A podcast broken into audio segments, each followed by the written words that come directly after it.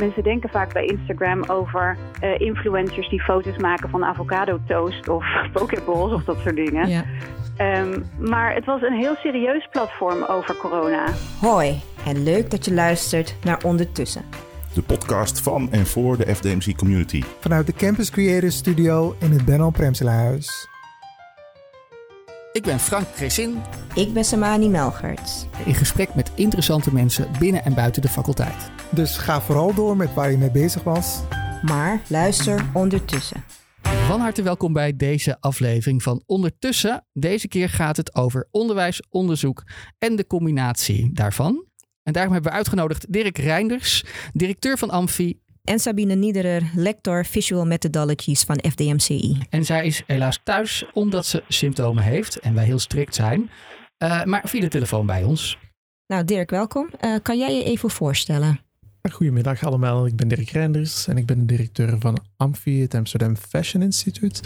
Daarnaast ben ik ook portefeuillehouder diversiteit en inclusie van uh, onze faculteit en ik draag beide een warm hart toe. Ik moest even nadenken toen, ik, uh, uh, toen wij wisten dat jij te gast kwam. Dat ik dacht van, ja, hoe lang werkt Dirk ook alweer? Het leek wel gisteren, maar volgens mij is het inmiddels al, al twee jaar. Dirk is precies op dezelfde dag begonnen als ik. Hè? We zijn samen begonnen op 1 februari 2019. Inderdaad. Ja, nou zijn Dirk en ik vrij nieuw, maar Sabine ja. uh, Niederer, die is er al een tijdje. ja, ik voel me een soort dinosaurus in dit gezelschap. Ik werk al hartstikke lang bij de, bij de HVA, inderdaad. Klopt. En, en uh, hoe ben je begonnen? Wat is het geworden? Wat doe je nu? Ik ben begonnen bij uh, de opleiding die toen nog interactieve media heette. Die heet nu CMD.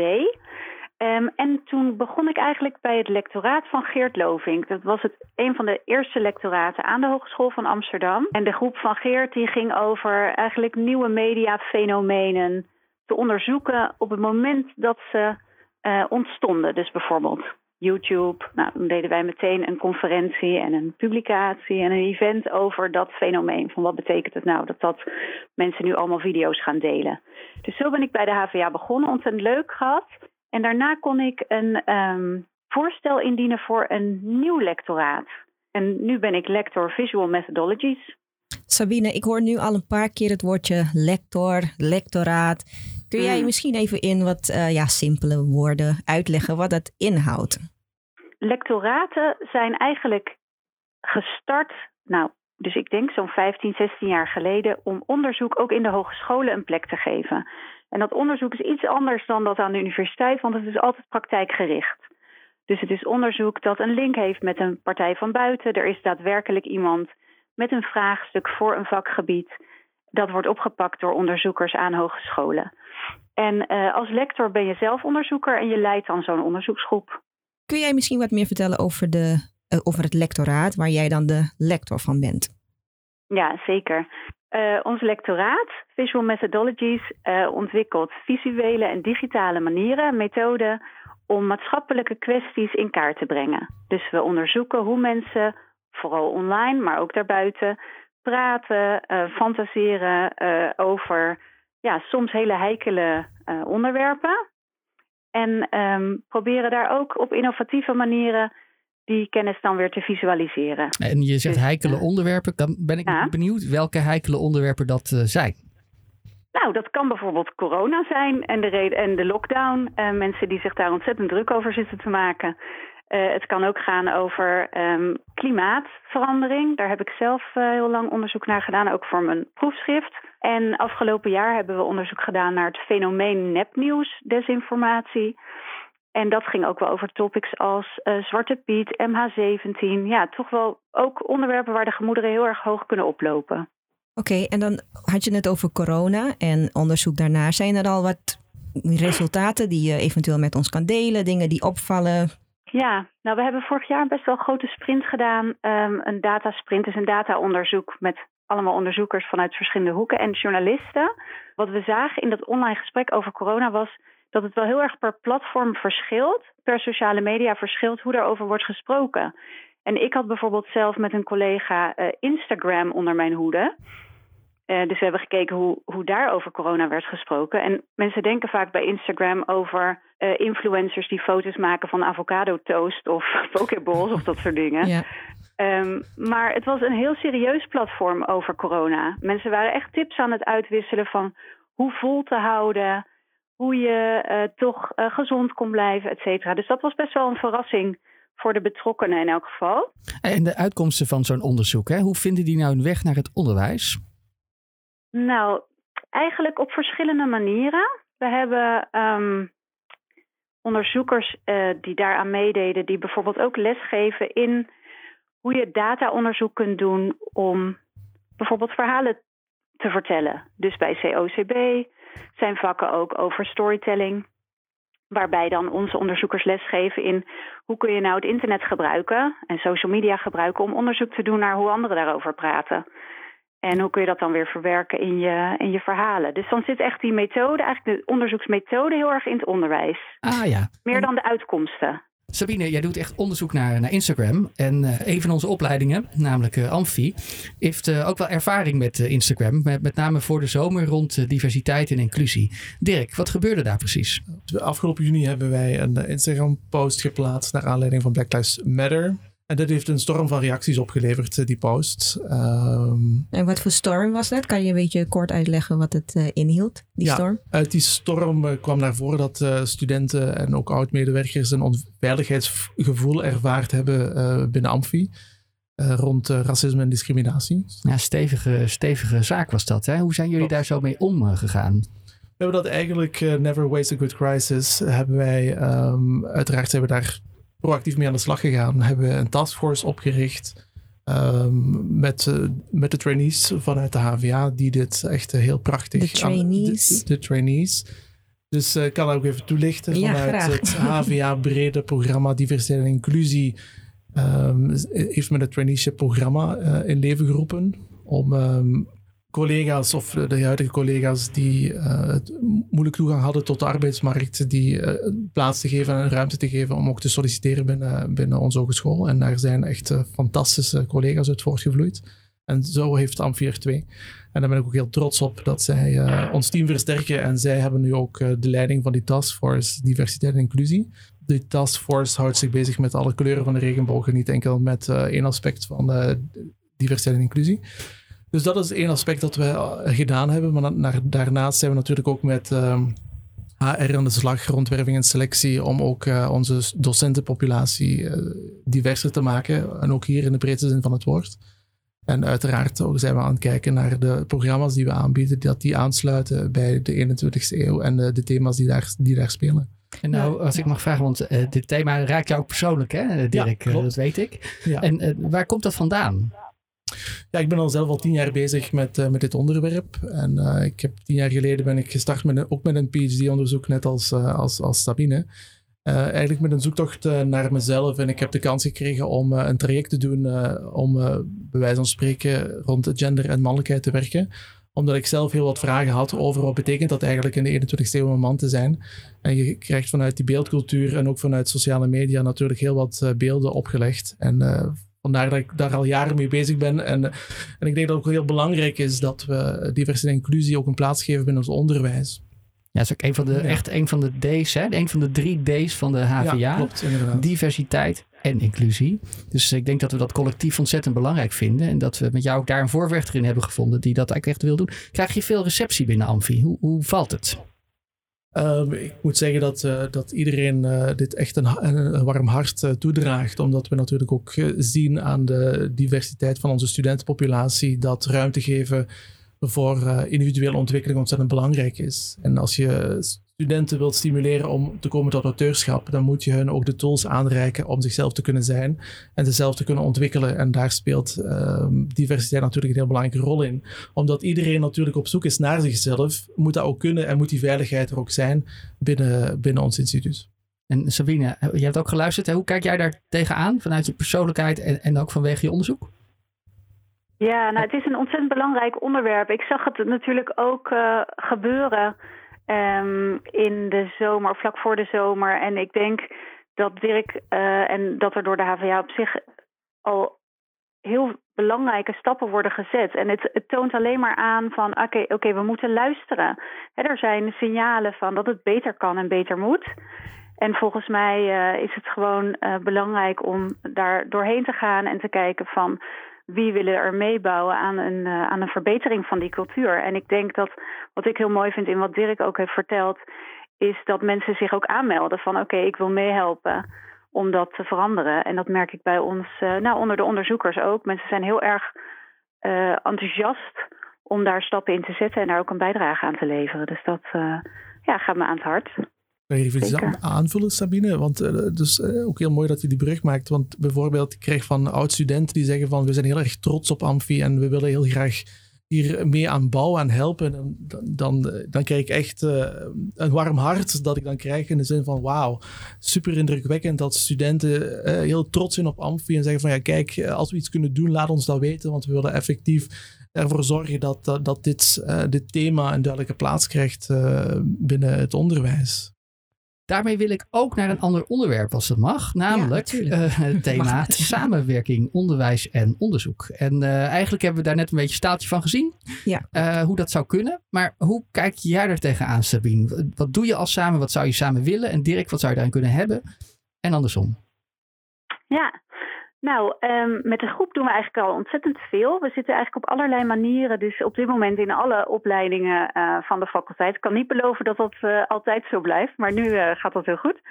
Um, en wat je ziet is dat um, ja, je daarin verschillende rollen kunt hebben. Sommige van ons die staan voor de klas, geven les. Anderen ontwikkelen een minor of coördineren er een. We zijn betrokken bij curriculumontwikkeling van de bachelor en van de masters. Dus dat is eigenlijk een hele mooie, vind ik een hele mooie manier om ook heel goed te begrijpen en te leren begrijpen hoe dat onderwijs nou in elkaar zit en hoe je daar op verschillende manieren een bijdrage aan kan leveren. Dat kan dus heel erg gaan om die inhoud of meer om de werkwijze en onderzoeksmethoden die zinvol kunnen zijn voor zo'n programma. Ja, dankjewel. Want uh, Dirk, uh, je zit hier te knikken. Hoe is dat ja. voor jou? Hoe, hoe, komt dat over bij, bij een opleiding als Amfi? Hoe dat overkomt bij Amfi, ik denk dat het uh, ontzettend waardevol en belangrijk is dat uh, die wereld elkaar ontmoeten. En misschien is het wel interessant om uh, ook de labels rond onderwijs en onderzoek her te definiëren. En misschien gaat het niet meer toekoor over die letterlijke begrippen, maar dat we elkaar nodig hebben om tot toponderwijs te komen. Omdat onderzoek gewoon onderdeel is van ons leven. Wandel je door de Albert Heijn of fiets je door Amsterdam, zijn allemaal al vormen van onderzoek waar we van kunnen leren. Dus misschien moeten we afstappen van die labels, waardoor dan die brug ook spontaner en natuurlijker kan uh, ontstaan, omdat we elkaar nodig hebben om te kunnen groeien en te kunnen ontwikkelen. Nou ja, over labels gesproken. Um, ik heb uh, nou ja, gelezen dat H de HVA zeg maar, van een onderwijsinstelling naar een kennisinstelling gaat. Um, kan iemand mij vertellen wat dat uh, concreet betekent? Nou, dat wil ik heel graag doen. Nee, het is, uh, kijk, we zijn natuurlijk, in de basis leiden we studenten op. En om uh, te weten wat wij, wat we hen moeten leren en telkens aan de voorkant daarvan te zijn, heb je onderzoek nodig. Dan heb je niet alleen maar inhoudelijke kant van onderzoek nodig, maar ook de kijk op onderzoeksmethodes. En uh, je wil ook midden in de samenleving staan. Dus je wil niet alleen maar voor jouw onderwijs werken, maar je wil ook voor de, de bedrijven, de non-profit instellingen, de mensen om je heen, de partners, wil je heel graag mee samenwerken. En dat kan je juist doen door hen iets te bieden, wat soms meer is dan stagiaires, maar ook top-notch onderzoek, kennis, um, vraagstukken uh, en oplossingen die je daar kan, kan toepassen. En daarom denk ik dat wij een hele fijne, grote en invloedrijke kennisinstelling zijn. Betekent wel iets. Want het betekent ook dat we van onze medewerkers vragen, en steeds meer vragen, dat die onderzoekende houding, onderzoekende tools, dat die ook onderdeel worden van de manier waarop we lesgeven. Uh, en dat betekent weer dat een instelling als wij ervoor moet zorgen dat dat ook kan. En daar zijn we nog niet mee klaar. Nou, kunnen jullie concrete, ja, het kan Dirk zijn, Frank of Sabine, concrete, concrete voorbeelden noemen van uh, methodes of tools die zeg maar uh, toegepast worden nu, op dit moment? Bijvoorbeeld de learning communities zijn hier een heel mooi voorbeeldje van. Dat we de brug aan het slaan zijn tussen de lectoraten en het onderwijs. En dat is eigenlijk een hele mooie wereld die aan het ontstaan is. Uh, bijvoorbeeld Amfi is onder andere betro betrokken bij de Learning Community Critical Making, waar we samenwerken met de, uh, met de Waag, met het Makerslab, onder andere ook met verschillende opleidingen buiten de faculteit, zoals met de opleiding Techniek uh, bijvoorbeeld. Dus dat zijn eigenlijk wel heel interessante initiatieven. Ja, en je vroeg ook naar methodes. En dan hebben we hier een lector Visual Methodologies. Ja. Dus ik vermoed dat hij daar wel iets over kan vertellen. Nou, ik wilde eigenlijk even reageren op wat Dirk zei, als dat ook mag. Tuurlijk mag Want, dat. Um, of course. hij gaf eigenlijk een mooi voorbeeld van die critical making um, learning community. Want dan zie je eigenlijk dat je ook uh, als onderzoekers en als docenten soms gewoon de, een gedeelde behoefte hebt. En een van de projecten die ook in, dat, in die learning community tot stand komt, is een um, materiaalarchief van materialen die je kunt maken in een makerslab. En te delen met elkaar hoe die eruit zien, hoe je daartoe bent gekomen. Uh, dus eigenlijk een heel receptenboek ook nog van hoe maak je dan die materialen. Dat is iets wat je zowel ja, in het onderzoek als in het onderwijs heel goed kunt gebruiken. En als externe partner natuurlijk ook. Dus dat vind ik dan zo'n voorbeeld van iets waar je elkaar echt vindt op een gedeelde vraag. Hoe was het onderzoek voor 2020 en hoe ziet het er nu met corona uit, Sabine? Dat vraag je mij, ja. Nou, het onderzoek, dat is alweer gelijk heel lastig te, te beantwoorden. Want we hebben ontzettend veel lectoraten uh, die allemaal weer een eigen werkwijze hebben. Dus laat ik even voor mezelf spreken. Wat we wel heel fijn vinden om te doen in onderzoek is samenwerken met hele verschillende disciplines. Zeker als je allemaal maatschappelijke topics uh, aanpakt, dan heb je best wel wat disciplines nodig. Um, en uh, ja, nu moet dat dan online. Dat is wel heel erg jammer. Um, normaal komen we bij elkaar, dan doen we datasprints waar we twee weken of een week bij elkaar in één ruimte gaan zitten en, uh, en keihard werken uh, om data te verzamelen, analyseren, visualiseren, de verhalen eruit te destilleren, et cetera. Ja, nu uh, hebben we dat wel gedaan in 2020 online. Ging op zich best goed. Maar wat je dan heel erg mist, is los van het sociale, uh, toch die uh, ja, gezamenlijke. Het gesprek is anders. Het gezamenlijke gesprek gaat toch anders als je eerst moet unmuten. Als je ja. elkaar niet recht in de ogen kan kijken. Als je niet even bij elkaar kan zitten. Dus dat was zeker voor sommige onderzoeksprojecten best wel een uitdaging. Hebben we wat uh, moeten improviseren om die um, toch uitdaging doorgang te kunnen laten vinden op een andere manier. Ja, ja want Dirk, hoe was dat uh, voor, je, voor jou dan en, en Amfi? Um, ja, ervaren is misschien al zelfs een understatement. Dus we hebben het echt moeten ondergaan. Want uiteindelijk, uh, Amfi is een, echt een, een, een, een maakopleiding. Een heel creatieve opleiding waar uh, het gebruik maken van uh, de werkplaatsen, de faciliteiten ontzettend belangrijk is en zal zijn. Dus het was ontzettend uitdagend voor onze docenten, maar ook voor onze studenten om, om, om deze periode door te worstelen. Echt letterlijk worstelen. Maar uiteraard hebben we wel gelukkig de de mogelijkheden gekregen om toch nog een bepaalde lessen fysiek aan te bieden. Omdat het voor ons onmogelijk is om volledig online te gaan. En jullie zijn ook heel groot in virtual fashion. Hè? Gaan we straks allemaal virtual fashion doen? Of blijft er echt een hele fysieke component? Er zal altijd een fysieke component blijven. We gaan allemaal kleding blijven dragen. Dus we gaan niet allemaal uh, naakt rondlopen met een soort van VR-bril rondom ons. Uh, dus, dus kleding gaat er altijd zijn. Uh, als mensen dit horen, zitten we precies voor de kerst. Volgens mij is dat ook wel een belangrijk uh, aspect in het opnieuw opladen. Um, wat gaan jullie doen? Weinig. Oh. Zo min mogelijk. weinig. en wat is dat weinige dan wat je wel gaat doen? Ik ga heel veel koken en eten. Volgens mij doen we dat allemaal en, uh, al tijdens nou ja, de corona. veel eten en koken. Ja. Dat, uh, dat maakt de kerstmaand dan niet anders, denk ik. Uh, maar ja, inderdaad. Nou, Dirk, wat ga jij doen uh, met de kerst? Ongeveer dezelfde zaken als, ehm, als Sabine. Maar ik woon in de week in, in, Amsterdam en het weekend woon ik nog in Vlaanderen. En in België is, is de, of zijn de maatregelen nog veel strenger als in, als in Nederland. Dus het zal een hele rustige kerstperiode worden, denk ik met weinig activiteiten. Of sociaal contact, want we mogen eigenlijk maar één persoon uh, uitnodigen. Dat is in en, België, dat ja. is het verschil tussen Nederland en... Nou, zou ik zeggen, blijf lekker in Nederland. Kun je meer, ja. En in België noemen ze dat een knuffelcontact. Oh, je mag één knuffelcontact hebben, dus dat woord gaat al heel de wereld rond. Dat België ja. mogen een knuffelcontact contact hebben. Dan wel weer mooi. Ja, ik vind Klinkt het heel mooi. Een heel mooi, uh, mooi Zeker. woord.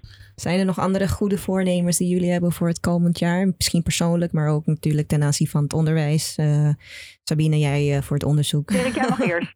Wat ik wens is dat we elkaar na de kerstvakantie stap voor stap meer fysiek mogen terug ontmoeten. Dat is mijn wens. En nu kijk ik even heel streng naar onze decaan.